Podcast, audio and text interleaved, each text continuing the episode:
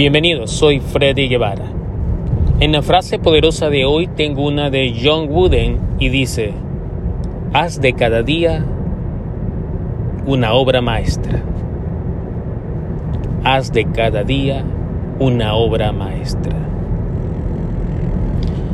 ¿Qué es lo que nos trata de decir esta frase poderosa? Es que el día de hoy es lo que cuenta que no podemos pensar en el ayer porque el ayer ya se fue. No podemos pensar en el mañana porque no sabremos si estaremos mañana. Es incierto. Lo único que tenemos, con lo único que contamos es con el día de hoy. Pero ¿cómo cuidamos el día de hoy? ¿Cómo, cómo hacemos del día de hoy una obra maestra? Haciéndonos cargo del día de hoy, teniendo claras nuestras prioridades para hoy y cuidando nuestras prioridades, que por supuesto entre esas prioridades estás tú mismo. Hazte cargo de ti mismo. Cuídate, mejórate.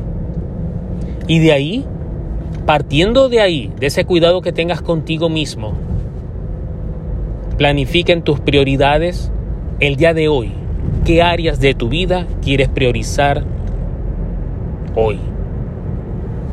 Tu fe, tu familia, tu negocio, tus relaciones interpersonales, tus relaciones profesionales.